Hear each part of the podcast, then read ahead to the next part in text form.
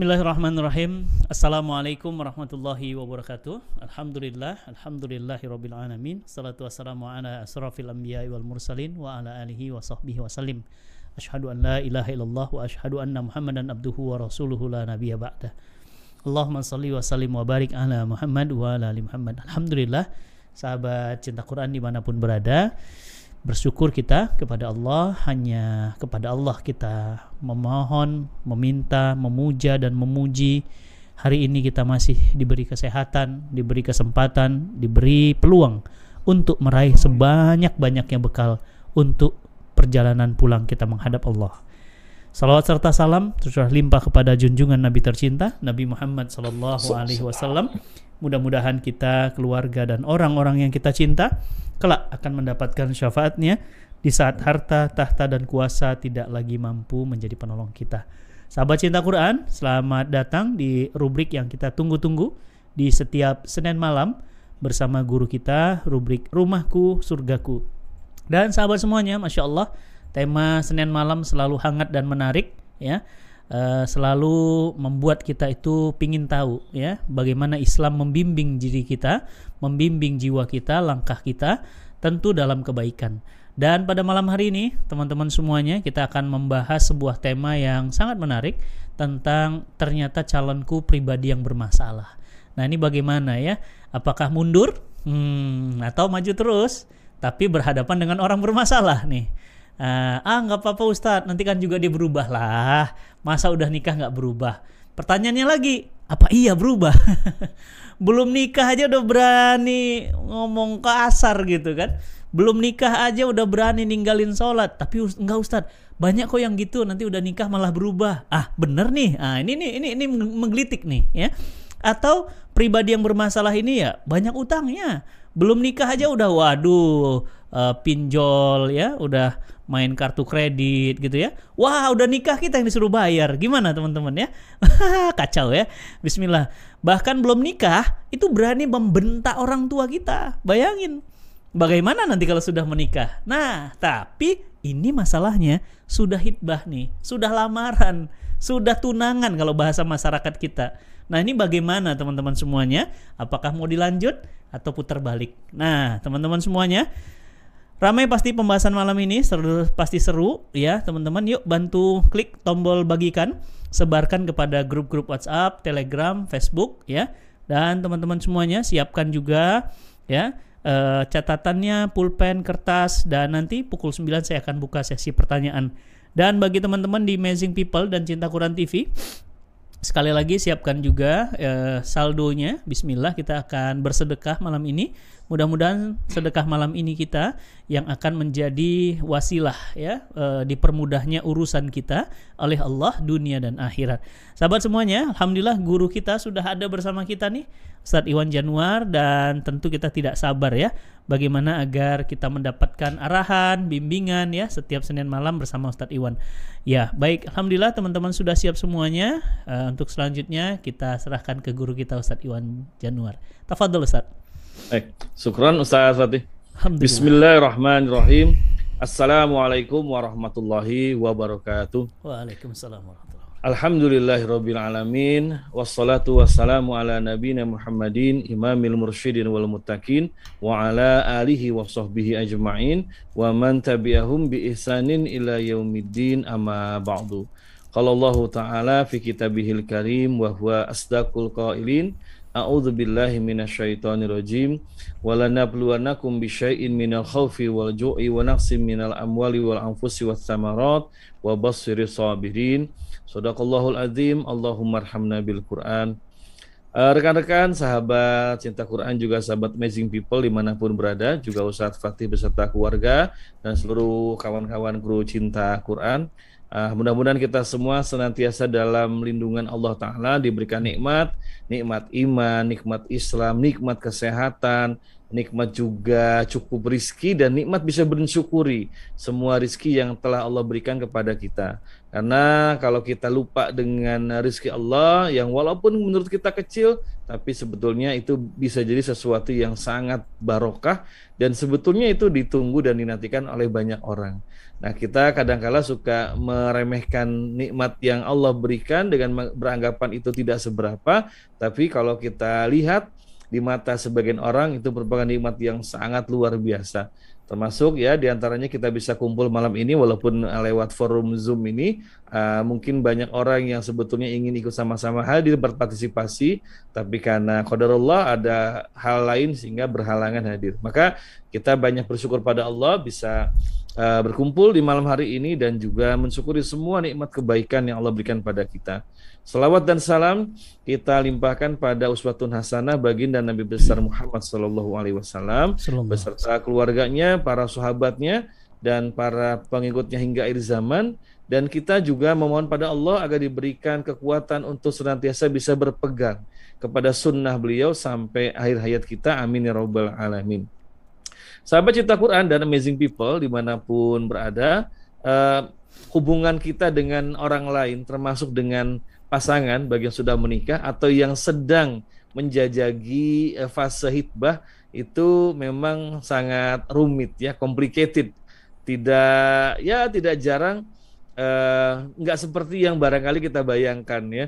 Ada orang yang tentu secara umum kita semua berharap hitbah itu kan berjalan lancar.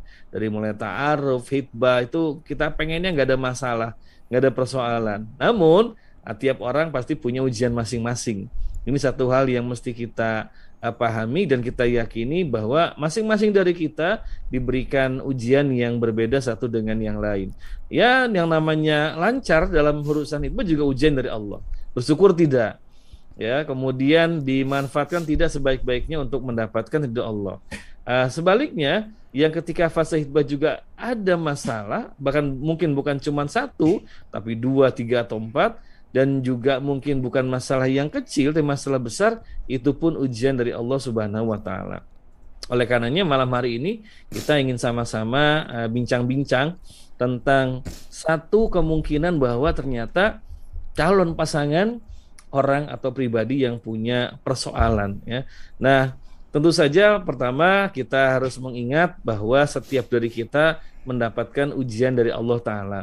Masih jomblo ujian, sudah menikah ujian, sedang fase hitbah ujian juga dari Allah. Hmm. Semua hidup bagian hidup kita itu tidak ada yang lepas dari ujian. Karena memang dunia ini, ya hidup kita di dunia ini adalah senantiasa adalah ujian. Kata para ulama, dunia darul imtihan. Dunia itu adalah tempat ujian atau darul fitnah, sama tempat juga mendapatkan berbagai tes dari Allah Subhanahu wa taala. Apa kita bersyukur ataukah kufur, kita beriman ataukah kemudian naudzubillah kita mengingkari keimanan tersebut. Jadi yang pertama, teman-teman sekalian, apa pun yang kita hadapi, kita harus tempatkan itu sebagai ujian. Hanya saja ada ujian yang berupa kenikmatan, ada ujian berupa musibah. Nah, yang musibah ini yang barangkali namanya juga musibah ya, secara perasaan kita sulit untuk menerima, berat menghadapinya karena namanya itu musibah. Kalau namanya nikmat ya tidak seperti musibah. Uh, ulama memberikan penjelasan musibah itu kullu syai'in makruhun yahulu bil insan atau kullu makruhin yahulu bil insan.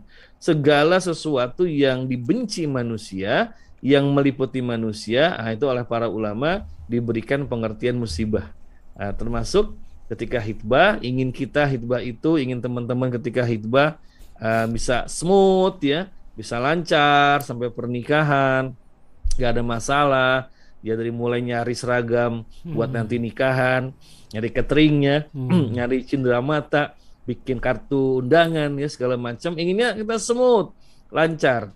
Tapi ya Allah kan berkehendak lain. Ada kodar Allah ada kodok Allah yang kita sebagai manusia nggak berdaya ada area di mana itu merupakan hal-hal yang ternyata di luar kemampuan kita mengendalikannya di antaranya apa ketika baru sadar pasangan ini ternyata punya masalah, punya persoalan ya. Ini berarti adalah ujian, salah satu ujian kita di dalam menuju rumah tangga, menuju pernikahan.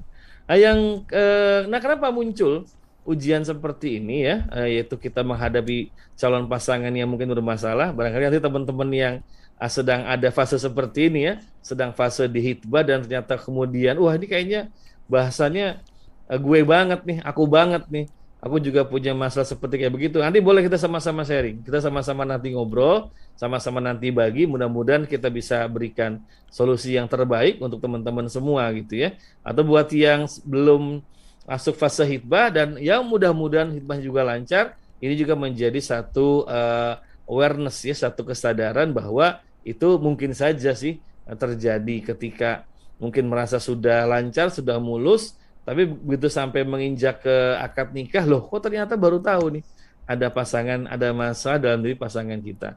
Nah, kenapa ini penyebabnya satu ya? Karena memang pada dasarnya Eh, nggak uh, gampang loh mencari sosok pasangan tuh yang bisa matching dengan kita totally 100% tuh. Kayaknya nggak mungkin itu susah ya.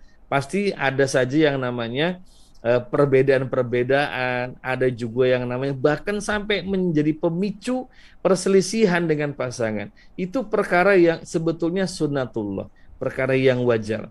Uh, Nabi SAW mengingatkan kita Eh, dengan satu sabdanya inna menasu kal ibilil ma'mi'ah la takadu tajidu fiha rahilah. Nabi katakan inna menasu kal ibilil mi'ah. Kata Nabi sesungguhnya manusia itu kal ibilil mi'ah seperti 100 ekor unta. Takadu tajidu fiha rahilah, takadu fiha rahilah. Sampai-sampai atau hampir-hampir ah, kamu itu tidak bisa mendapatkan satu hewan tunggangan. Nah, unta itu kan menjadikan tunggangan begitu ya. Tapi kata Nabi, manusia itu seperti 100 ekor unta. Ya kalau ditelusuri satu persatu, hampir-hampir ini nggak ada yang pasti dijadikan sebagai hewan tunggangan seperti itu. Nah ini Nabi memberikan satu tamsil bahwa manusia itu seperti unta, bahkan seperti 100 ekor unta. Dari 100 ekor unta bayangkan, banyak nih 100 ternyata kata Nabi hampir-hampir nggak ada satupun yang pantas yang layak dijadikan hewan tunggangan. Nah sehingga begitu masuk fase hitbah itu bisa jadi tabiat-tabiat yang dulu ketika ta'aruf ya itu nggak ketahuan begitu masuk fase hitbah itu kelihatan di situ ada beberapa sifat yang e, mencolok ya yang muncul dari diri pasangan atau calon pasangan ini karena masa-masa hitbah ya. Misalnya posesif gitu ya. Jadi karena sudah hitbah nih pasangan pengen tahu terus begitu kan. Hmm. Ke mana kita dengan siapa, lagi hmm. apa, begitu. Saldo Mungkin, berapa? Eh. iya itu posesif tuh gitu saat itu ya. Jadi ngecek gitu kan. Kok di telepon nggak diangkat-angkat sih? Hmm. Eh, gitu kan. Hmm. Ada kayak begitu. Begitu telepon kok nggak diangkat Nah, muncul ya gitu kan. Kamu masih apa? Coba mana fotonya deh. Hmm. Gitu kan. Ada juga seperti itu sampai apa namanya minta bukti bahwa apa namanya calonnya itu memang betul misalnya lagi uh, jalan sama ibunya, lagi sama teman-temannya yang sama-sama perempuan sama ahwat ya. Itu juga sama. Sebaliknya ada juga memang ahwat itu yang dia juga posesif itu kepada calon suaminya. Jadi kalau misalkan suatu ketika so, uh, calon si masnya ini calon suaminya si Iwannya ini terima telepon dari perempuan, wah itu langsung cemburunya jelasnya banget banget begitu. Hmm. Nah ini kan juga satu problem ya, gak nyangka oh, begitu ya ternyata kok calon pasang kita ini posesif banget begitu, sampai ngontrol, sampai pengen tahu istilahnya apa ya, uh, stalking hmm. ini, jadi pengen tahu kegiatan kita itu di insta kita di medsos kita dipantau gitu kan itu siapa tuh yang nge-like kamu tadi gitu kan hmm. sampai ditanya ini yang nge-like status kamu tuh ada perempuan tuh namanya si Fulan tuh ya hmm. dan kamu kayaknya juga follow dia juga ya begitu kan hmm.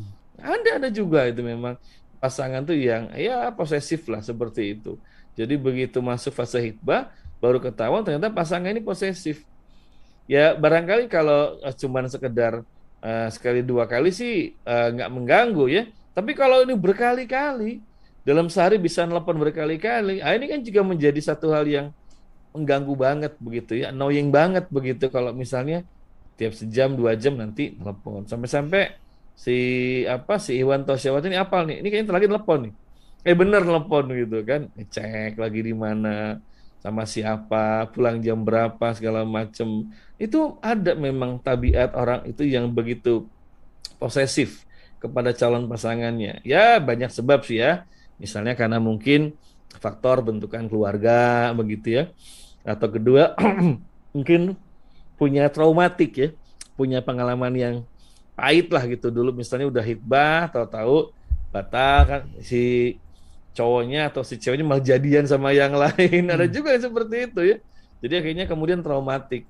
Ini begitu dia hitbahan nah dia jadi posesif banget nggak mau dia kemudian sampai calonnya itu Iwan si Iwan atau si Iwan itu kemudian dia uh, putus dan malah jalan sama yang lain ada memang ini positif itu ya Nah, ini kenapa terjadi? Bisa jadi karena tadi ya, pengaruh bentukan keluarga.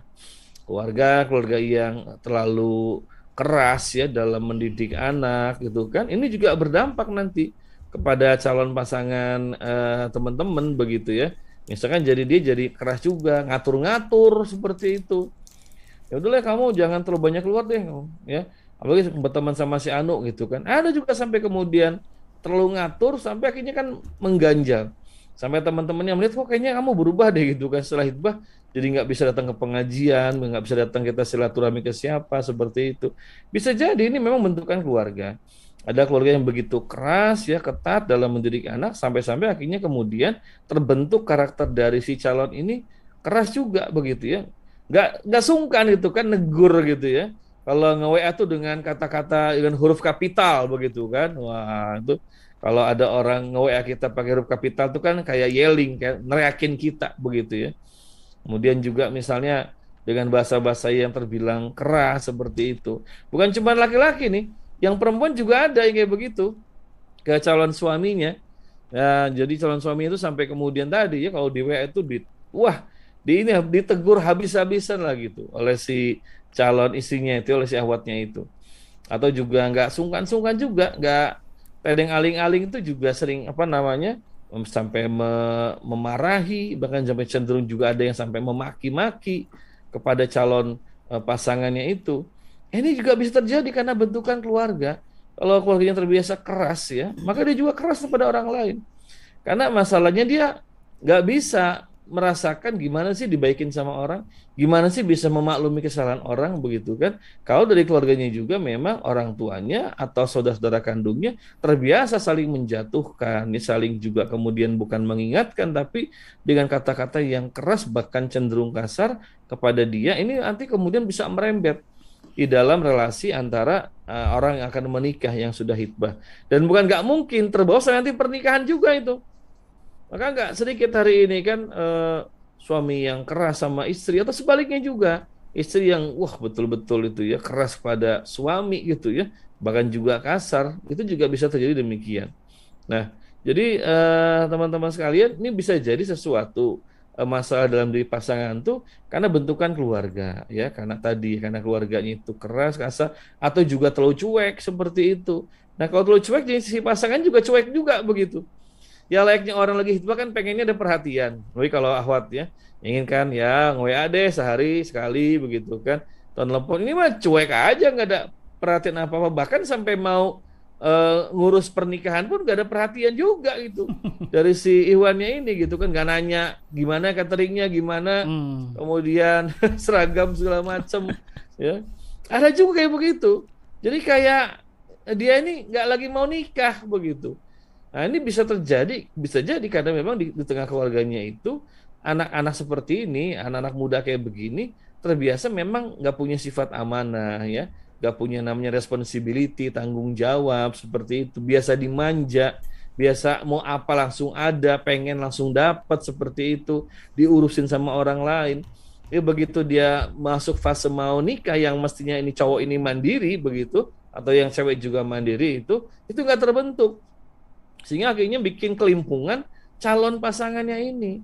Gimana sih Mas? Kita lagi mau nikah kok kamu belum apa ngukur seragam sih, belum segala macam begitu. Nah, ada juga tipikal orang-orang itu yang mereka tuh terlalu cuek dengan persiapan nikahnya jadi masalah seperti itu. Atau juga pengaruh teman-temannya ya. Maka oleh karenanya ini juga penting banget bagi kita semua untuk uh, teman-teman yang sedang hitbah atau mau hitbah ya untuk kenal betul siapa teman-temannya. Karena pengaruh teman tuh besar banget kepada seseorang. Nggak jangan dianggap remeh. Ya makanya kalau Nabi bilang ah, seseorang itu bergantung pada agama temannya memang betul. Kalau temannya ini dia lengket sama teman-teman yang komunitas hobinya main game gitu kan. Wah, ini susah hilang ini. Itu berat banget ya ninggalin komunitasnya atau hobinya misalkan touring segala macam juga nggak gampang juga itu melepaskan ikatan dengan komunitasnya. Nah, teman-teman semua, sahabat Amazing People dan juga sahabat cinta Quran yang Allah muliakan, ini faktor yang penyebab. Yang pertama keluarganya, bentukannya, kedua karena teman-temannya. Nah, yang ketiga ini bisa jadi juga karena dia memang minim pemahaman agamanya. Nah, ini yang agak repot ya. Jadi dia minim pemahaman agamanya, hingga kemudian eh, setelah hitbah, mungkin sebagian dari kawan-kawan tuh baru baru sadar, baru nggak, oh ternyata ini calon suami dia terlibat utang ribawi gitu kan. Tadi misalkan ya pinjolnya banyak begitu. Dia juga pakai kartu kredit ya. Dia punya barang itu yang kelihatannya punya kelihatannya punya dia ternyata itu barang-barang hasil kredit yang ribawi seperti itu. Ini bisa jadi baru ketahuan setelah masuk fase hitbah seperti itu. Dikarenakan apa? Kelemahan agama pada uh, calon pasangan seperti itu. Dan ini kelihatannya gambaran umum ya Kenapa saya bilang gambaran umum? Karena kan hari ini kita ya terus terang Islam itu kan hari ini cuma dikaji sebatas masalah ibadah, sholat ya. Belum banyak lah yang kemudian mau mengkaji masalah muamalah, mengkaji masalah juga sosial, pergaulan pria wanita. Sehingga secara umum umat hari ini, ya terutama anak-anak muda itu, mereka nggak paham tentang masalah muamal, utang piutang, tahu-tahu karena ada tawaran pinjol dia minjem aja gitu kan, tahu-tahu utangnya jadi berlipat jadi numpuk terus seperti itu. Misalkan ya, yang paling sedih kan kalau uh, ketahuannya setelah ada tadi ya, ada SMS ancaman begitu kan. Oh, dulu-dulu kan pinjol begitu, kalau ada yang kreditnya macet, langsung tuh disebar tuh kasus si uh, nasabah ini ke semua nomor kontak yang ada di HP-nya seperti itu. Kan tragis ya kalau misalkan ada calon istri atau calon suami tahu ternyata pasangannya bermasalah, terbelit utang ribawi lewat tadi SMS dari si pemilik pinjolnya itu ya nauzubillah min dzalik. Nah, sahabat-sahabat Messi people yang dirahmati Allah taala, ini juga mungkin terjadi bahwa pasangan itu dia akhirnya bermasalah, troublemaker karena memang bisa jadi minim pemahaman agamanya. Ya kita mesti akui bahwa hari ini kan namanya pelajaran agama itu sedikit sekali uh, apa namanya jam ininya pengajarannya di kelas masuk di kampus juga seperti itu. Walaupun diajarkan ya materinya yang monoton itu kan masuk masalah ibadah lagi segala macam sementara yang namanya muamalah sehari-hari jual beli dagang segala macam itu hampir-hampir nggak dibahas ya. Sehingga akhirnya banyak anak-anak muda ini mereka terbeli tadi ya seperti seperti bilang ada pinjaman online lah, ada rentenir segala macam seperti itu. Dan yang sedihnya calon pasangan baru tahu hmm. ketika kemudian mau nikah gitu ya. Ternyata kok ada tagihan besar nih, uring-uringan segala macam calon suami atau calon istri. Ternyata tadi karena sudah terbelit dengan berbagai macam utang ribawi. Nah, ini terjadi karena memang lemah hari ini kita harus akui kita sedih banget bahwa banyak muslim hari ini mereka justru tidak paham pada agamanya bahkan gak sedikit muslim jadi malah memusuhi agamanya seperti itu. Dianggap agama Islam itu apa nggak mesti diaplikasikan dalam kehidupan sehari-hari nanti dicap ekstrim radikal seperti itu. Akhirnya banyak orang nggak mau datang ke pengajian. Nah kalau sudah nggak mau datang ke pengajian nah dari mana dapat materi pengajian? Dari mana pengetahuan Islam? Kan susah seperti itu ini realita yang terjadi ya di tengah-tengah masyarakat kita, teman-teman semua. Jadi bisa muncul persoalan karena calon pasangan pemahaman agamanya minim betul. Nah ini yang berat ya. Ini yang berat terus terang. Kenapa saya katakan berat? Karena yang namanya kalau mengubah uh, bayar utang kan bisa gampang. Tapi kalau dia ini terlibat utangnya karena dia nggak paham tentang hukum-hukum ribawi, wah ini masya Allah Uh, ya teman-teman jangan sampai berpikir ya nanti agama gampang pak. Bisa di uh, upgrade gitu kan. Ikutin aja kelasnya. Ustaz Fatih gitu kan hmm. pengajian gampang begitu. Oh pada faktanya nggak gampang itu. Mengubah karakter orang mengubah semangat orang tadinya.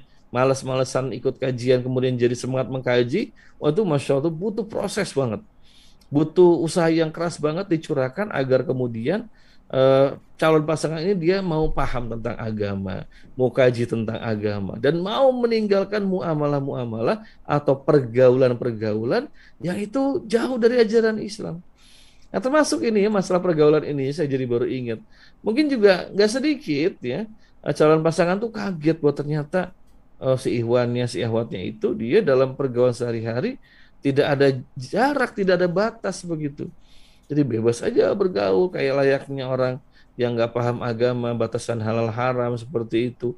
Nah, ini banyak pasangan yang juga kemudian kaget. Cuman umumnya kan masyarakat menganggap itu biasa aja. Kalau laki perempuan keluar itu kan makan siang bareng dianggapnya lumrah aja.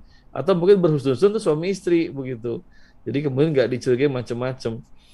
Nah ini juga e, bisa jadi persoalan nanti dalam kehidupan rumah tangga. Apalagi kalau ternyata ya ini pasangan dia dulu apa namanya dalam pergaulan betul-betul bebas, nggak terjaga, nggak terpelihara, sampai kemudian melakukan tindakan yang lebih keji dari itu ya sumana udzubillah min dalik.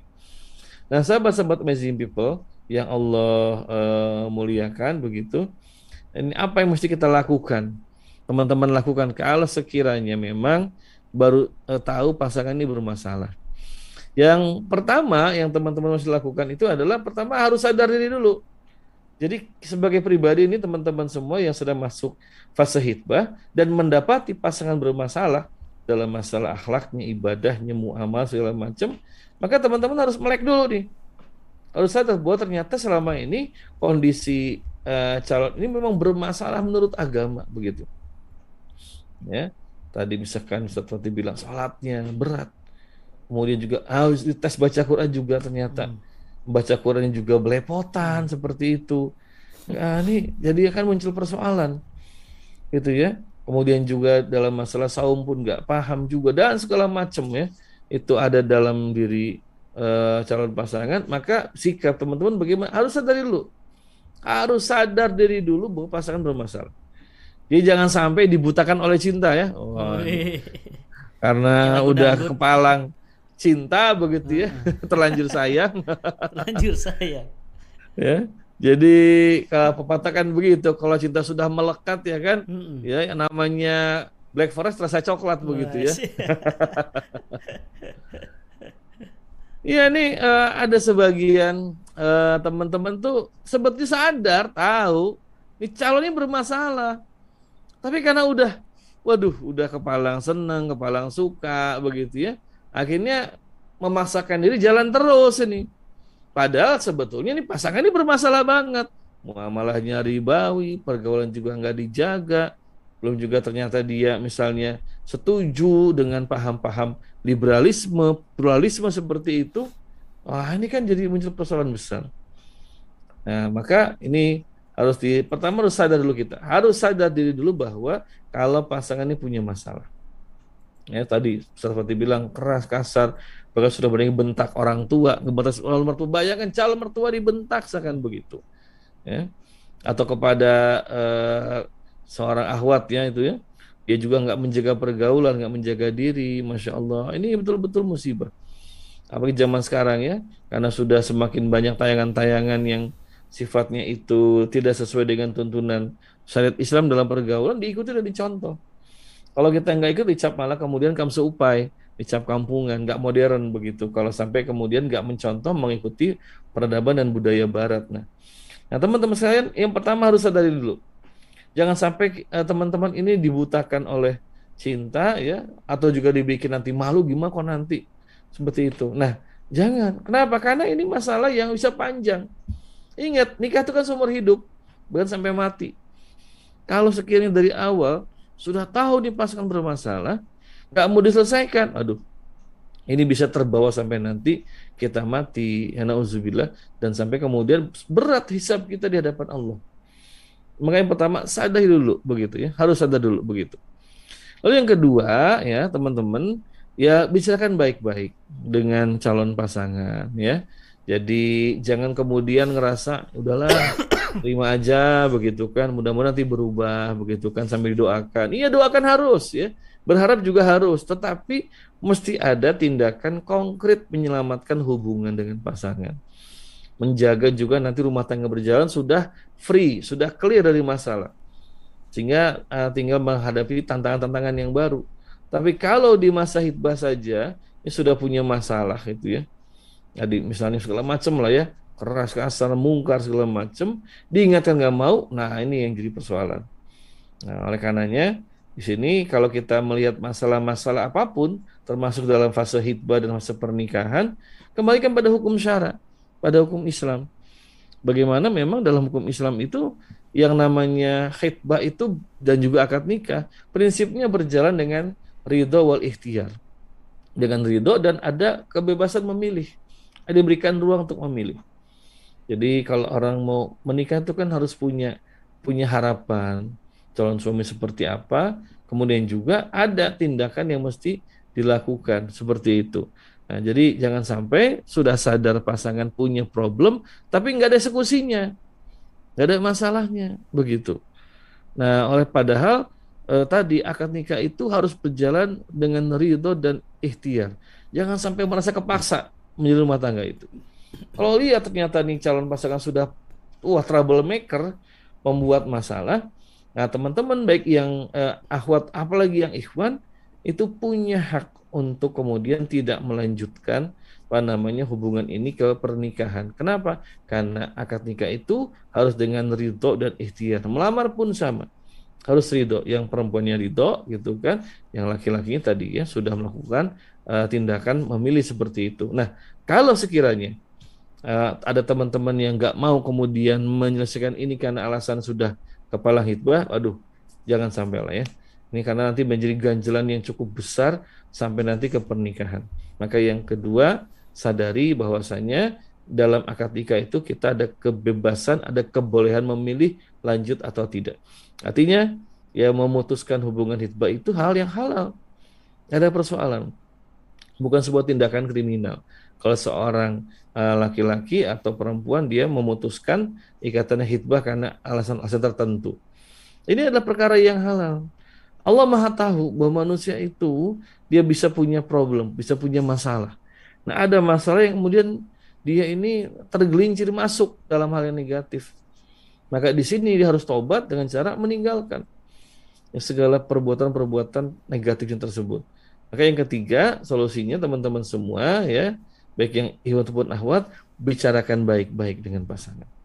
Sampaikan. Bisa jadi karena mungkin dia nggak tahu dia nggak tahu tentang hukum Islam, masalah muamalah misalnya, sampaikan baik-baik. Bahkan ajak kemudian suami, calon suami ini untuk ikut kajian, kemudian juga sama-sama menambah pengetahuan agama seperti itu. Ini perkara yang memang harus dilakukan. Ini kalau memang uh, orang tua di sini bisa memberikan apa namanya uh, sesuatu yang terbaik untuk anak-anaknya ya, maka ya kalau lihat sudah bermasalah calon mantu itu ya selesaikan baik-baik berikan nasihat agar bisa berubah begitu. Walaupun ini juga butuh proses namanya perubahan. Sehingga eh, buat para iwan outfielder yang Allah muliakan yang sedang menjadi proses hitbah ya, no problem kalau sekiranya hitbah itu harus uh, putus karena ada ketidakcocokan di dalam masalah uh, nanti kesempatan berumah tangga itu hukumnya adalah halal. Jangankan yang masih masa hitbah, yang sudah menikah saja diizinkan untuk mengambil talak sebagai emergency exit ya. Jadi pintu darurat kalau sudah mentok usaha sana sini maka nah ini Allah berikan yang namanya hukum-hukum talak yang dibolehkan oleh agama yang namanya talak itu. Itu yang sudah menikah, yang belum menikah masih masih hibah apalagi ada kebolehan ya memutuskan ikatan hitbah kalau sekiranya ada hal-hal yang memang nggak bisa ditolerir yang ini bertentangan dengan syariat, bertentangan dengan hukum-hukum agama. Yang seperti harus diingatkan. Dan kemudian juga di apa namanya kalau bisa dibantu jalan keluarnya. Sama calon pasangan pun ketika punya masalah, ingin ingatkan, bicarakan baik-baik. Kemudian kalau teman-teman bisa bantu, bantukan cari jalan keluar yang seperti itu. Sehingga calon pasangan bisa tobatan nasuha, bisa tetap melanjutkan apa namanya proses menuju nanti yang namanya ikatan pernikahan seperti itu. Teman-teman semua yang dirahmati Allah Subhanahu wa taala ya.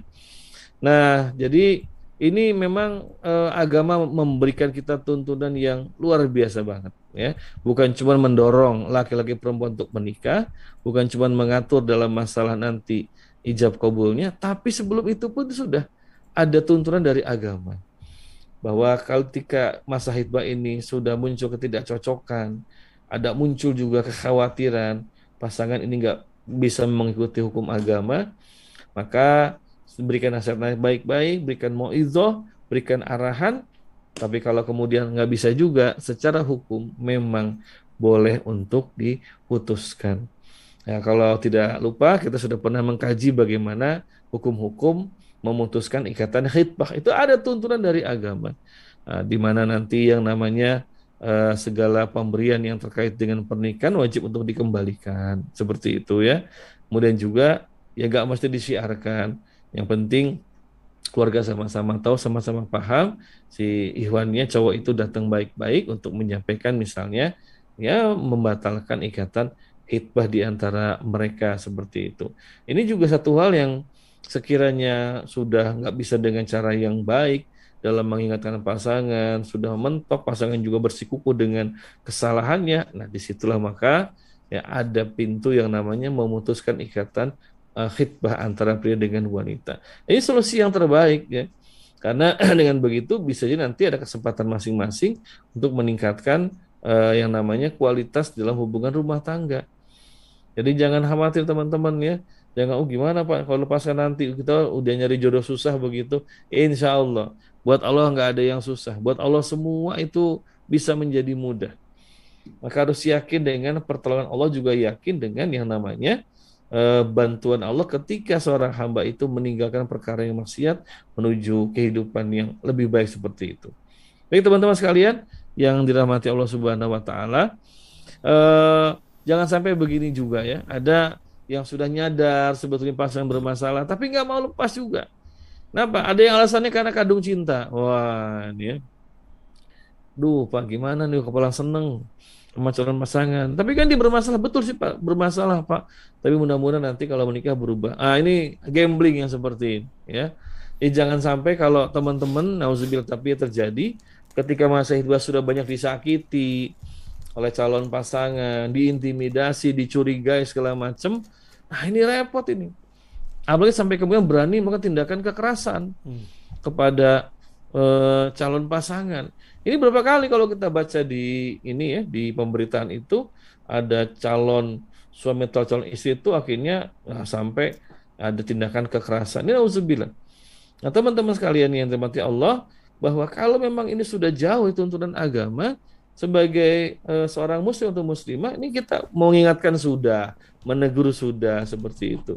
Maka jangan sampai rasa cinta kepada manusia, cinta kepada calon pasangan itu membutakan mata kita semua akhirnya nggak mau ngambil tindakan yang tegas.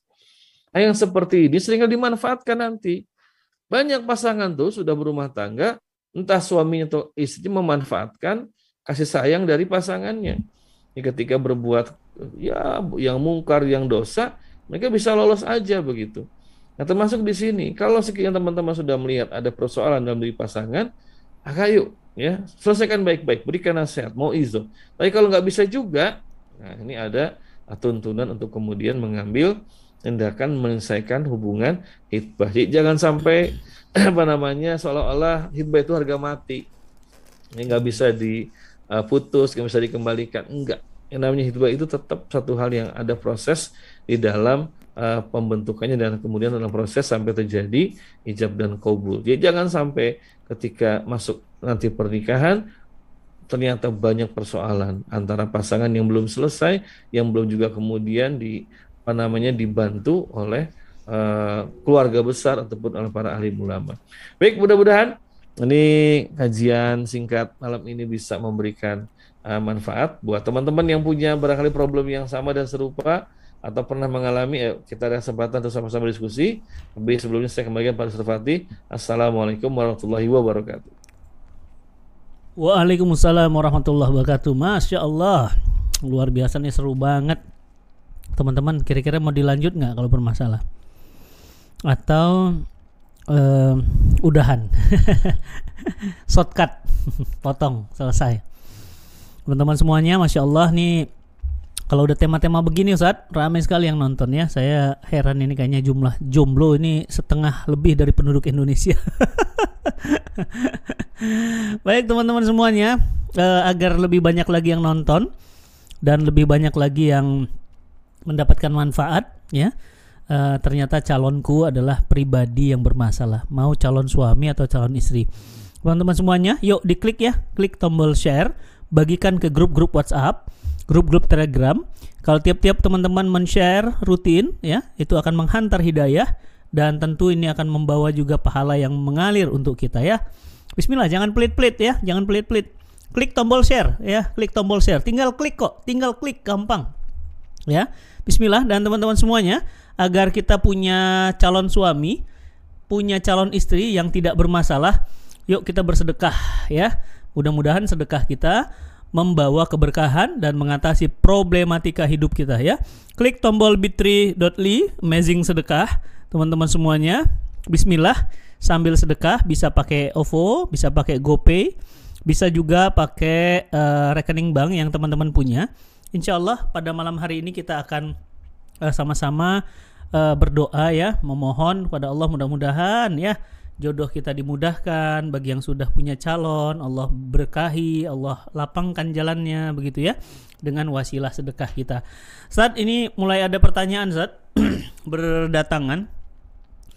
Uh, bagaimana kalau uh, calon yang hendak dinikah itu ada tunggakan hutang? Nah ini tadi Ustaz. Hmm. apakah dalam proses ta'aruf itu boleh disampaikan uh, aku tuh ada hutang segini-gini kira-kira kamu hmm. berkenan nggak ngelanjutin sama aku? gitu ya. Atau diam-diam aja gitu udah nikah baru nanti meledak begitu. Oh. Iya. Baik Bismillahirrahmanirrahim. Uh, teman-teman semua yang Allah muliakan ya. Ingat bahwa hutang itu kan dia kewajiban yang harus dibayar ya. Jadi ketika misalnya ada di antara kawan-kawan amazing people ya atau sahabat cinta Quran yang punya utang, kalau saran dari kami sebaiknya selesaikanlah sebelum pernikahan. Kenapa? Karena ini ada kekhawatiran ya. Namanya sudah menikah nanti banyak keperluan. Mm -mm. Ya keperluan buat nikah aja itu sudah pasti perlu uang banyak segala macam. Belum nanti ketika sudah selesai menikah mungkin mau uh, beli rumah, kontrak rumah segala macam begitu. Maka saran dari kami sebaiknya utang-utang itu selesaikan dulu lah ya. Agar nanti ketika rumah tangga berjalan nggak memberatkan pasangan, tidak menyusahkan pasangan. Agar kalau nanti dapat gaji nih teman-teman yang cowok itu betul-betul uang belanja untuk menafkahi anak dan istri begitu. Nah, tapi juga sebaliknya kalau seorang perempuan tuh punya utang ya dia juga selesaikan lah. Apa namanya kalau bisa sebelum pernikahan. Karena kalau sudah menikah, masya Allah itu banyak pintu-pintu pengeluaran yang, aduh kayaknya ternyata ada ini ada itu ya. Nah ini kan jadi malah merepotkan. Sementara utang adalah kewajiban yang mesti dibayar orang yang menolak atau orang yang tidak bayar utang pada waktu itu orang yang zolim kata Nabi.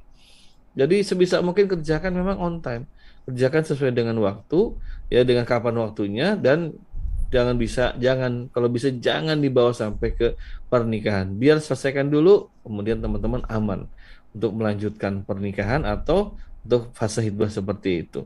Karena tadi mengingat beratnya, beratnya amanah utang itu mesti dibayar sampai-sampai ya kalau kita baca di dalam beberapa hadis juga perkataan para sahabat itu peringatan tentang utang itu sangat sangat besar sekali. Artinya walaupun boleh sebisa mungkin kita uh, menghindarinya. Begitu suratnya.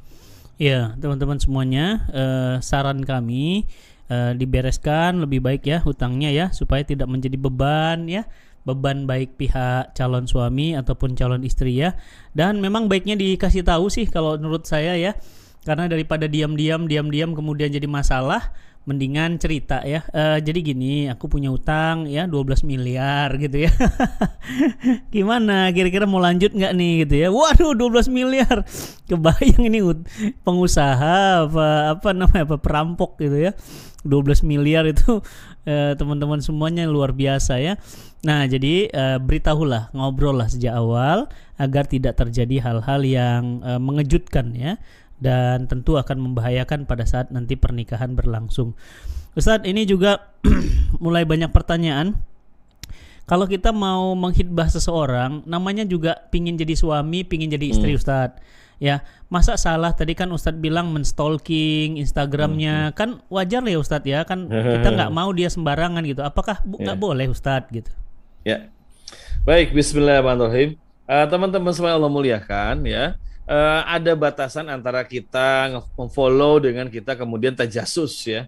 Nah, yang dilarang oleh agama itu tajasus memata-matai begitu.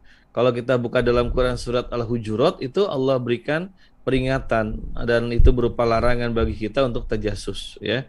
Allah berfirman wala tajassasu wala yaktab. Janganlah kamu saling memata-matai dan jangan juga saling gibah begitu. Hmm. Jadi ada larangan namanya namanya tajasus. Jadi tajasus itu memata-matai kita uh, pantau, kita follow. Ya kalau sudah kita ikuti follow Eh, media sosialnya itu sih gak ada persoalan. Tapi kalau sampai tadi contohnya, tuh tadi nge-like ke nge-like kamu ya, hmm.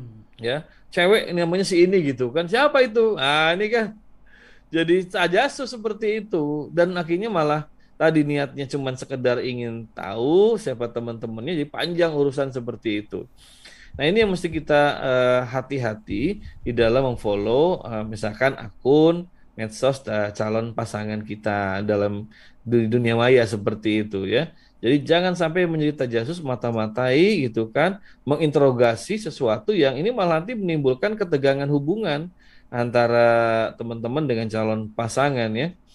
Jadi kalau sekiranya memang eh, betul nih calon pasangan ini di medsosnya itu kecentilan gitu ya, hmm. eh, nggak pantas ya itu kita tegur langsung kita ingatkan. Deh, Mas jangan gitu deh ke bercanda-bercanda ke apa namanya nggak perlu yang nggak nggak layak gitu ke sesama akun apalagi pada akun lawan jenis seperti itu ya. Atau juga ya hal-hal yang itu sudah merupakan pelanggaran syariat di dalam masalah hubungan pria wanita ataupun apa pun sudah pelanggaran kita ingatkan. Kalau dia masih begitu juga nah ini silakan nanti harus ada tindakan kita kan nggak mau teman-teman pasti nggak mau kan punya calon suami tapi ternyata pecicilan ke perempuan lain, so akrab segala macam. Nah, ini jangan sampai ini apa namanya muncul tabiat begitu. Karena apa? Karena ya itu sudah khawatirnya jatuh dalam namanya nanti zina lisan, zina mata, zina telinga dan sebagainya dan sebagainya. Jadi kalau mau memfollow nggak ada persoalan, boleh-boleh saja. Tapi kalau sampai tajas mata-matai ya, sampai ditelisik siapa aja followernya begitu kan, ada hubungan apa dengan follower A, B, C dan D sampai seperti itu, nah itu nggak usah lah dilakukan karena khawatir jatuh dalam tajasus dan itu dibenci oleh Allah Subhanahu wa taala. Begitu seperti. Iya, jadi teman-teman harus hati-hati ya antara pingin tahu, sekedar tahu gitu ya dengan sampai ngulik dalam banget gitu ya. Ini siapa? Temannya hubungannya siapa? Terus di antara uh, ini dengan ini hubungannya siapa? Aduh, waduh itu uh, khawatir kata Ustadz Iwan nanti kita masuk kepada tajasus ya. Uh, Ustadz, ini ada pertanyaan juga Ustadz Kan katanya laki-laki yang baik dengan perempuan yang baik dan juga sebaliknya. Bagaimana kalau ketemu pasangan yang berlawanan Ustaz sebelum nikah? Ini maksud ayatnya seperti apa dan bagaimana? Baik. Bismillahirrahmanirrahim. Uh, teman-teman, sahabat-sahabat Amazing People, juga sahabat cinta Quran Allah muliakan ya. Uh, pada faktanya ya, jangankan kita nih manusia biasa, dalam Al-Qur'an Allah memberikan contoh ada orang yang baik, yang salih, tapi punya pasangan yang, waduh, subhanallah ya, berat diajak. Itu dalam Al-Quran Allah firmankan, Daraballahu masalilazina kafaru imra'atan wa imra'atul lut. Allah berfirman, kami berikan contoh pada orang-orang kafir, imro'ah, istrinya Nabi Nuh dan istrinya Nabi Lut alaihissalam. Masya Allah ya. Jadi dalam Al-Quran itu kalau kita baca, ada beberapa pasangan yang Allah uji ya dengan apa? Ketidakharmonisan, ketidaksinkronan antara suami dengan istri. Misalnya Nabi Nuh kan kita sama-sama tahu istri Nabi Nuh itu kan musuh, memusuhi dakwah Nabi Nuh, memusuhi tauhid. Nah, kemudian juga putranya juga sama. Nah, dalam kisah Nabi Lut alaihissalam, istri Nabi Lut itu juga sama, mengkhianati Nabi Lut alaihissalam ya, seperti itu. Artinya memang ada peluang, ada celah di mana laki-laki yang baik mungkin tidak apa namanya mendapatkan jodoh wanita yang baik-baik seperti yang diinginkan ataupun sebaliknya. Ya, ini istrinya baik, salihah, tapi malah menginginkan calon uh, suami yang lain seperti itu gitu kan. Maka di sini teman-teman hati-hati ya, jangan sampai kemudian jatuh dalam perkara yang diharamkan oleh agama seperti itu. Ya, ya jadi sama-sama jaga uh, aturan Allah, sama-sama jaga ketaatan, jaga sama-sama juga menjaga diri dari perkara yang haram. Tapi kalaupun terjadi, nah Allah sudah memberikan gambaran. Bisa jadi itu ujian, ujian yang Allah berikan kepada baik itu suaminya atau istrinya yang sedang mendapatkan ujian ternyata pasangannya tidak memiliki akhlak yang baik, tidak memiliki kemudian juga ketaatan dalam ibadah dan sebagainya. Itu ujian dari Allah Subhanahu wa taala. Jadi secara uh, hikmah ada memang kemungkinan, ada juga kesempatan laki-laki baik mendapat suami yang buruk ya, sama istri yang buruk dan perempuan yang baik ternyata juga mendapatkan suami yang buruk dalam masalah akhlaknya. Dalam Al-Quran ada contohnya. Sebagaimana juga Allah rekam itu kisah Maryam, kisah uh, Asia maaf, istri dari Fir'aun. Asia ini wanita yang baik, beriman kepada ajaran Nabi Musa, tapi dia kemudian adalah istri seorang Fir'aun dan akhirnya mendapatkan hukuman yang sangat berat dan diwafatkan oleh Allah dengan sebaik-baiknya ujung kehidupan. Artinya memang ada peluang-peluang begitu. Hmm. Kalau sekiranya ada, bersabar, kemudian juga apa namanya kalau masih masa hitbah berikan dakwah mau izo perbaikan agar yang bersangkutan bisa berubah ke arah yang lebih baik begitu. Tapi bisa tentang peluangnya memang ada peluang laki-laki baik perempuan baik malah tidak mendapatkan pasangan yang baik. Apa itu ujian dari Allah Taala? Tidak semua yang kita inginkan, yang kita harapkan itu uh, bisa kita dapatkan sekarang di dunia. Jadi isbiru wasobiru, bersabarlah dan jadi orang yang bersabar. Dan ada kebolehan untuk tadi tidak melanjutkan ikatan hitbah sekiranya pasangan ini betul-betul bermasalah untuk diangkat dan dimuliakan oleh umat. Demikian seperti. Ya, alhamdulillah jelas ya teman-teman ya. E, memang semuanya adalah ujian ya, bertemu yang baik juga ujian, jangan merasa aman, nyaman dan yang kita rasa kurang baik pun itu ujian. Dan nih Ustadz, eh, di sini tema kita kan eh, calonku pribadi yang bermasalah. Ini kalau pribadinya nggak bermasalah, tapi keluarga pihak dia bermasalah. Nah itu Ustadz dia lahir dari keluarga bercerai, misal gitu ya, atau dia kelahir dari keluarga uh, eh, KDRT gitu ya, hmm, hmm. atau mungkin maaf bapak ibunya non Muslim, begitu dia dia Muslim Ustaz, tapi ya, bapak ya. ibunya ya. non Muslim. Nah ini bagaimana Ustaz? Secara pribadi dia bukan pribadi bermasalah, tapi keluarga besarnya bermasalah. Lah kan itu akan jadi jadi keluarga kita gitu Ustaz. Baik. Bismillahirrahmanirrahim. Ya, ini salah satu juga ujian ya hmm. dari Allah buat teman-teman yang akan menikah. Ternyata orang tuanya atau kerabatnya atau saudara apa saudara calon saudara ipar itu pribadi-pribadi yang bermasalah ya. Nah, dalam kesempatan ini uh, coba perhatikan dulu bagaimana tabiat dari calon ini. Kalau dia ternyata uh, ada persoalan juga dalam pribadinya itu berarti memang terbawa oleh suasana yang ada di uh, keluarganya seperti demikian. Nah, kalau teman-teman melihat bahwa ternyata suami ini berjuang untuk bisa tanda kutip ya lepas dari kebiasaan orang-orang uh, tadi ya non muslim ya, nah, ini masih ada harapan. Banyak berdoa minta pada Allah agar kemudian uh, namanya ikatan khidbah ini berkelanjutan sampai kemudian pernikahan yang barokah ya. Kenapa? Syaratnya teman-teman sudah melakukan beberapa tindakan untuk kemudian mengingatkan apakah pribadi maupun juga tadi misalkan uh, calon mertua, calon saudara ipar, ya tidak ada persoalan kalau kemudian sekali-kali diingatkan ya. Tapi kalau ternyata ini uh, si calon suami atau calon istri ternyata nggak bisa meninggalkan tabiatnya, nah ini masya Allah kita kemudian kembalikan kepada Allah Subhanahu Wa Taala karena ketimbang kita nanti ketika sudah menikah persoalan membesar dan menyulitkan lebih baik segera kemudian kaum muslimin ini ya atau teman-teman yang sudah hitbah ini apa namanya mengingatkan atau kalau nggak bisa ya sudah apa namanya uh, sentikan putuskan ikatan hitbah ini ya dengan sebaik-baiknya seperti itu.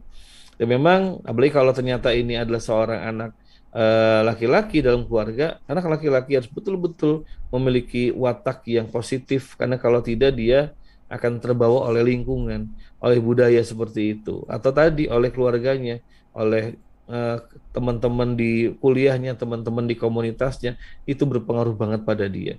Gitu Swati ya, mudah-mudahan membantu jawaban. Ya, jadi jelas ya teman-teman ya, masya Allah.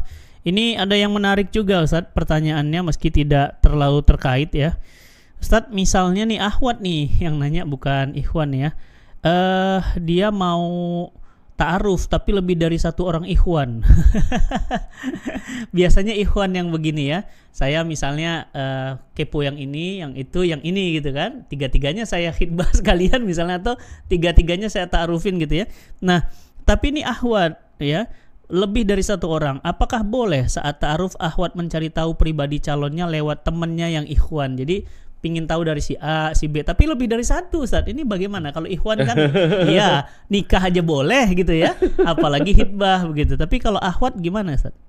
Baik, subhanallah. ada ya, ada. Kalau yang ikhwan kita ada sering dengar ya. Iya. Dia ngirim proposal ke banyak. Nah, iya dia kirim proposal ke banyak perusahaan itu.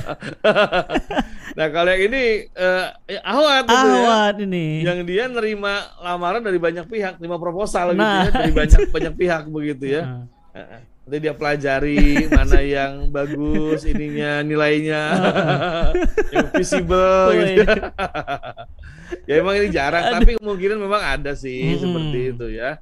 Hukumnya begini yang tidak boleh adalah e, melamar di atas lamaran orang lain, begitu ya.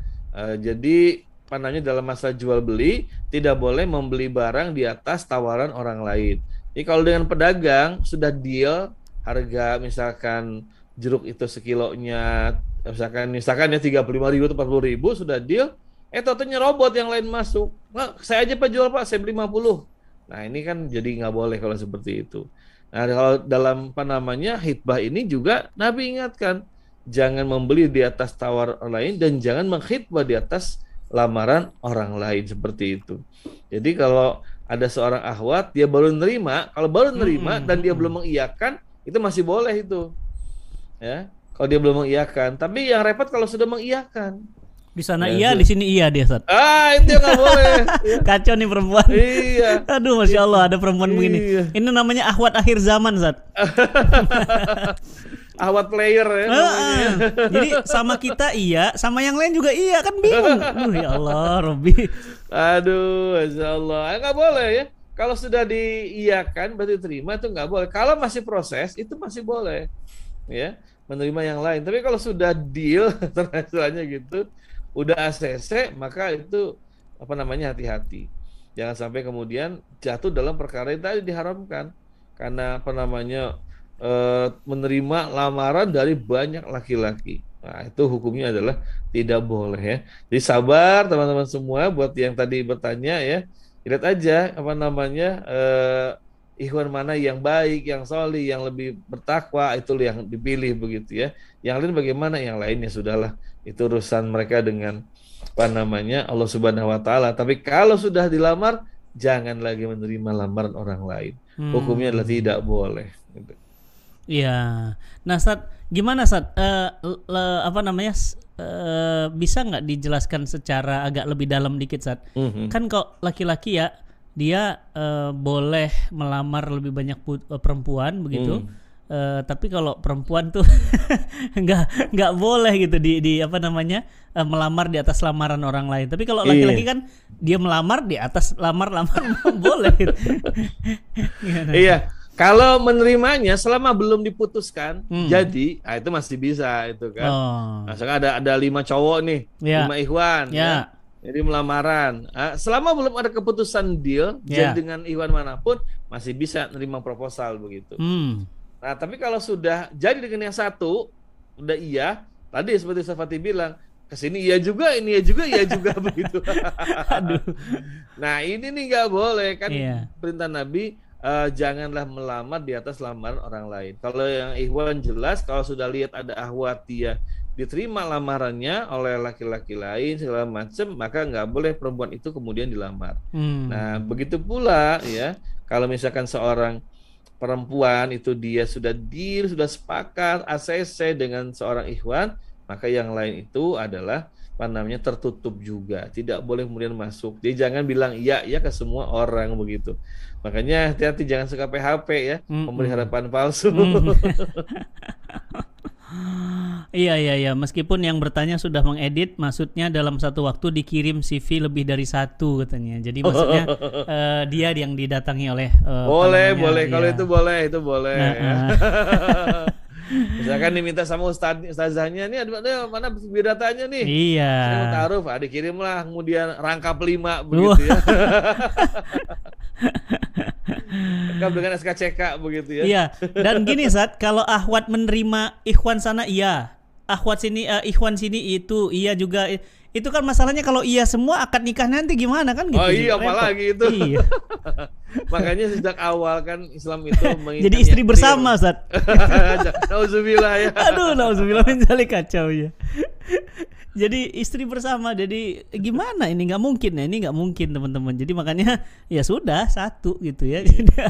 ya kalau Iwan memang diizinkan ya, ya melakukan namanya poligami. Hmm. kalau yang perempuan ya mohon maaf ya itu Allah nggak mengizinkan seperti hmm. itu. Ya banyaklah keterangan dari para ulama mengenai batasan perempuan ini. Jangan kemudian melamar ya atau menerima lamaran lebih dari satu orang. Dan yang kedua tadi ya sampai melakukan tindakan-tindakan yang aduh masya Allah. Takutnya nanti mempermalukan uh, diri sendiri dan keluarga juga sama ahwat begitu ya. Kasihan nanti waktu-waktu yang lain seperti itu. Hmm. kita berangkat seperti Masya Allah. Ya baik. Uh, teman-teman semuanya ini tadi masih kaitan dengan seorang ikhwan melamar banyak ahwat alias uh, ada bakat-bakat poligami nih. Ini juga ada pertanyaan Ustaz. Si ahwatnya ini di lamar sama ikhwan tapi untuk dipoligami tapi karena semangat hijrah begitu. Kemudian si akhwat ini diminta untuk uh, ada hafalan Quran lah, harus pakai cadar lah begitu ya. Nah, apakah dilanjutkan atau uh, diputuskan karena kok jadi kayak beban gitu, Ustaz? ya, pada intinya hitbah itu kan dan akad nikah itu harus biridho wal ikhtiar dengan keridhaan dan ada kebolehan memilih begitu. Kalau misalkan ada seorang ikhwan yang melamar pada seorang ahwat dan ahwat itu mau, lalu si ikhwan memberikan syarat begitu kan, syaratnya harus pakai cadar, harus hafal Quran sekian juz begitu. Hmm. Nah, maka sekarang berpulang pada ahwatnya begitu ya. Kalau ahwatnya merasa oh ini kayaknya berat nggak sanggup deh ya. Apa namanya dalam waktu yang singkat bisa baca Quran sampai yeah. 30 juz akan begitu ya. Hmm. Seperti itu. Atau disuruh pakai cadar berat karena lingkungan belum mendukung segala macam. Lalu bagaimana? Ya ini Allah memberikan kesempatan kok pada wanita Allah memberikan hukum kepada perempuan kaum muslimah yaitu ada hukum ketika menghadapi apa namanya eh, kondisi seperti demikian begitu ya. Bagaimana? Ada perempuan itu punya boleh memilih meneruskan atau memut menolak seperti itu. Jangan khawatir.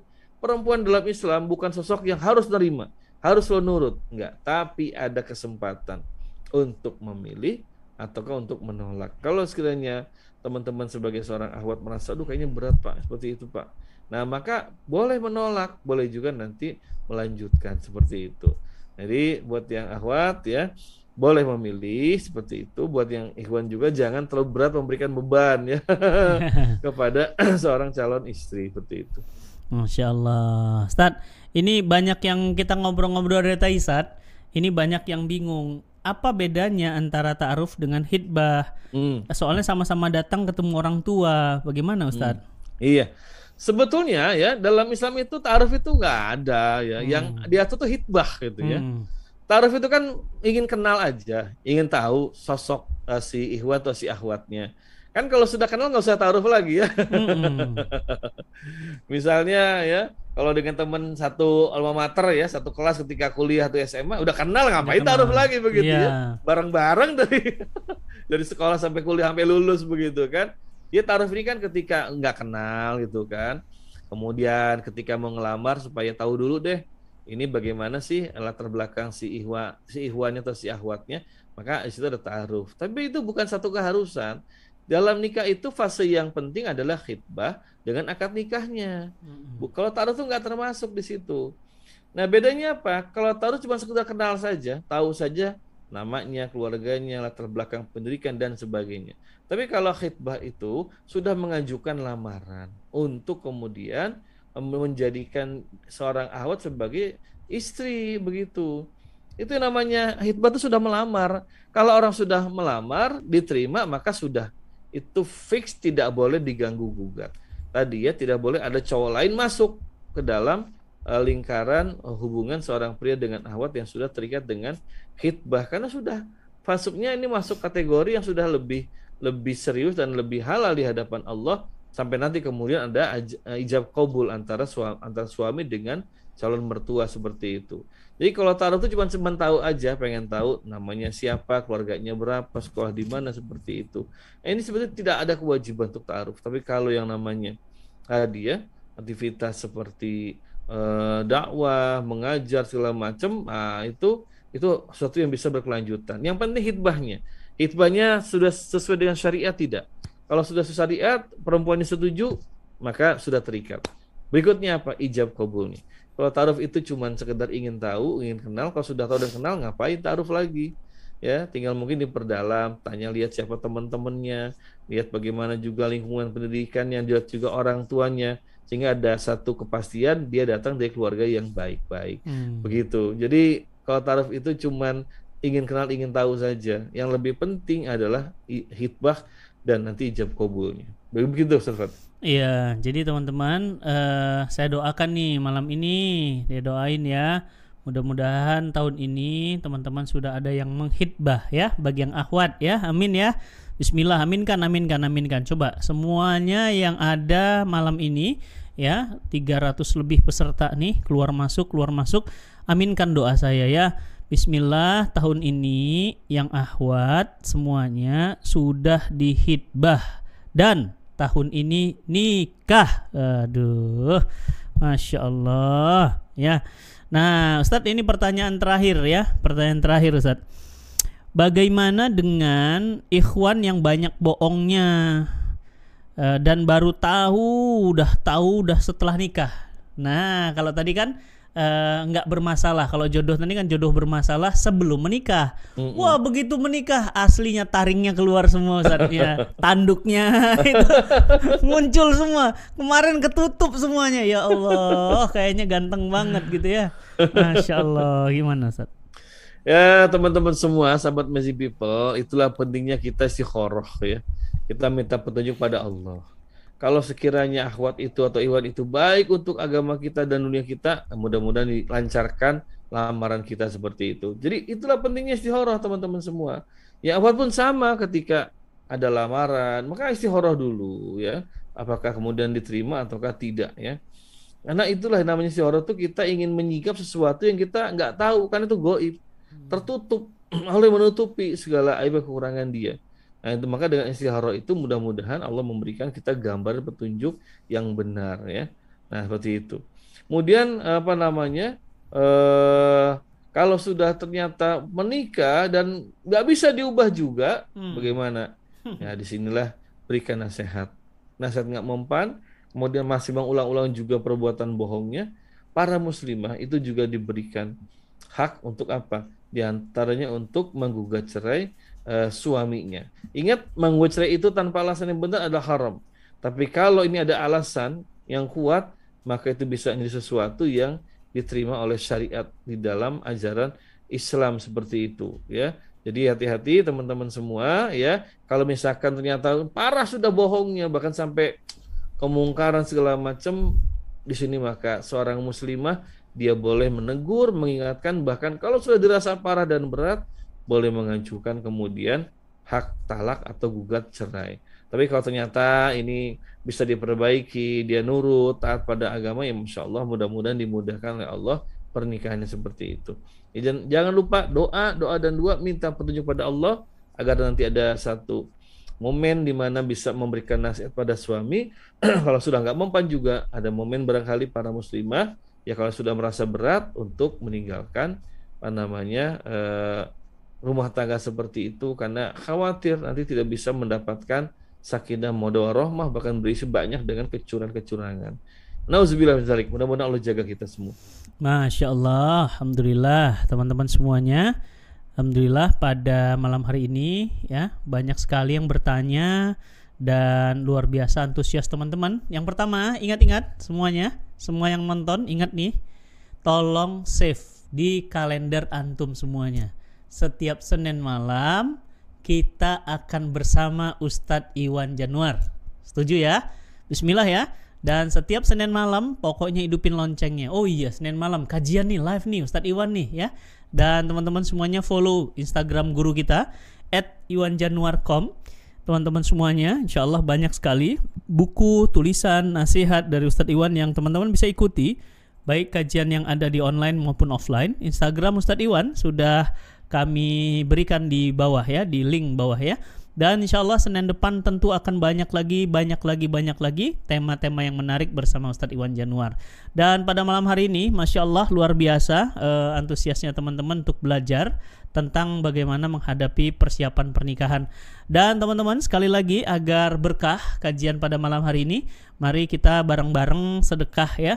Klik tombol Amazing Sedekah, begitu diklik teman-teman bisa terhubung kepada uh, rekening ya yang mau dipilih juga cara bayarnya ada. Nah, nanti ada amazing sedekah, ada sedekah online, ada pesan amazing box nih ini teman-teman punya amazing box kayak gini nih. Nah, ini nih, ini gratis nih. Ini gratis Ustaz, bener gratis. Nah, ini nanti sedekah subuh nih, sedekah subuh ya Allah mudahkan jodoh. Sedekah subuh lagi ya Allah mudahkan jodoh sedekah subuh lagi. Ya Allah mudahkan jodoh. Ya.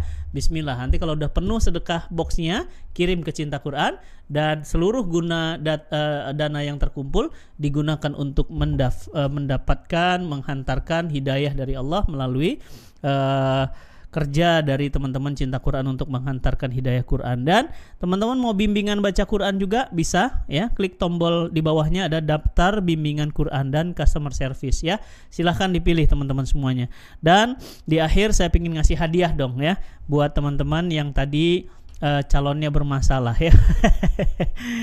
ya, ini Ustaz, saya mau ngisi hadiah Ustaz supaya tidak bermasalah ya. Bismillah yang tidak bermasalah itu saya mau ngasih ini Ustaz.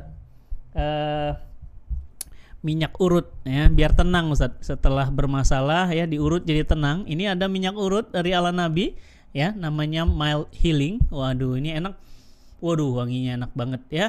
Dan gratis satu orang di Cinta Quran TV satu lagi di Amazing People ya Ustadz Iwan ini kalau capek diurut ya sama istri di rumah, waduh belum diurut udah langsung tepar udah ngantuk, insya Allah ya karena letih di jalan dakwah ya teman-teman semuanya. Ya ayo yang mau silahkan simak di pertanyaan Ustadz Iwan di Cinta Quran TV 1 di Amazing People 1 Tafadhol Ustadz.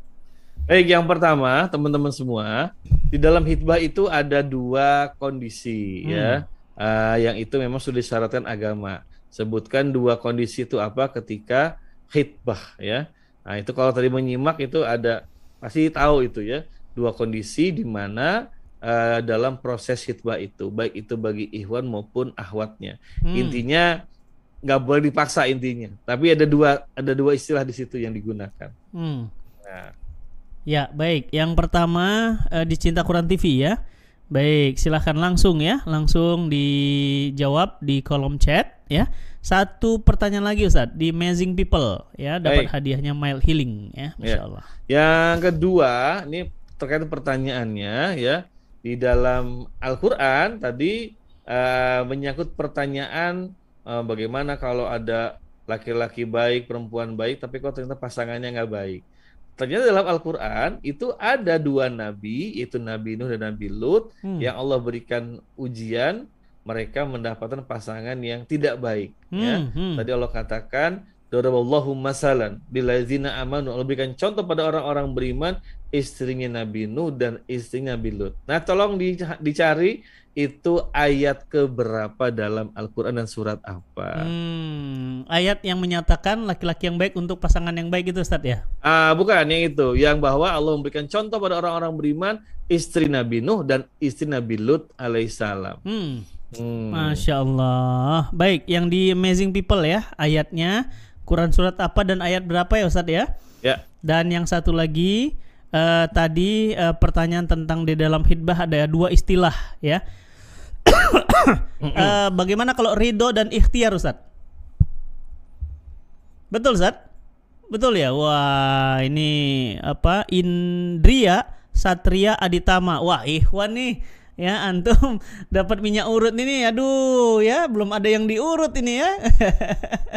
Iyalah Bismillah. Ya kalau yang belum nikah mah nggak apa-apa ya biar nanti segera termotivasi dapat istri ya Basma. Masya Allah Bismillah Bismillah. Ya Mas Indria Satria Aditama nama alamat nomor handphone tolong dikirim ke Cinta Quran Store ya silahkan. Besok langsung kami kirim hadiahnya full free ya bagi teman-teman yang pingin bisa didapatkan di Tokopedia, di Shopee, di Cinta Quran uh, Store juga di mana-mana banyak ya. Ketik aja ala Nabi uh, rap ritual. Ini minyak urutnya ala Nabi, enak banget ya. Baik, satu lagi yang ada di Amazing People ya, teman-teman semuanya tadi ayat yang menjelaskan tentang bahwa Allah menguji dua nabi ya. Quran surah apa dan ayat berapa ya. Quran surat An-Nur 26 Ustaz. Bukan. Nah, bukan teman-teman. Al-Isra 38. Bukan, bukan. Bukan. At-Tahrim 10. Wah, bukan Betul. juga. Ya, Masya Allah. Ya, tahrimnya ayat 10. Ya. ya. Uh, tahrim ayat 10. Mbak Dewi Larasati. Selamat Mbak Dewi. Nama, alamat, nomor handphone ya. Nama, alamat, nomor handphone silahkan dikirim ke Cinta Quran Store. Insya Allah besok kami akan kirimkan hadiahnya untuk Mbak Dewi Larasati. Selamat Mbak Dewi, mudah-mudahan sehat semuanya. Kita ucapkan terima kasih teman-teman kepada guru kita Ustadz Iwan Januar. Mudah-mudahan guru kita Ustadz Iwan sehat terus, semangat terus di dalam medan dakwah ya yang tantangannya semakin hari semakin luar biasa. Mudah-mudahan Allah memudahkan setiap langkah dalam dakwah ya dan menganugerahkan Ustadz Iwan anak-anak yang soleh dan solihah dan rumah tangganya insya Allah rumah tangga yang sakinah mawaddah warahmah. Dan kita semua bersama Ustadz Iwan berkumpul di jannah. Amin amin ya rabbal alamin. Teman-teman semuanya sekali lagi jangan lupa Senin malam pokoknya ya. Dan bukan cuma hadir tapi kita bantu share ya. Bismillah ya pokoknya Senin malam nggak boleh diganggu. Udah belajar sama Ustadz Iwan ya sama Cinta Quran TV dan Amazing People. Teman-teman semuanya kita akhiri dengan istighfar hamdalah dan doa akhir majelis Astaghfirullahaladzim Astaghfirullahaladzim Subhanakallahumma Asyhadu an la ilaha illa anta astaghfiruka wa atubu ilaik. Walafu minkum. Assalamualaikum warahmatullahi wabarakatuh.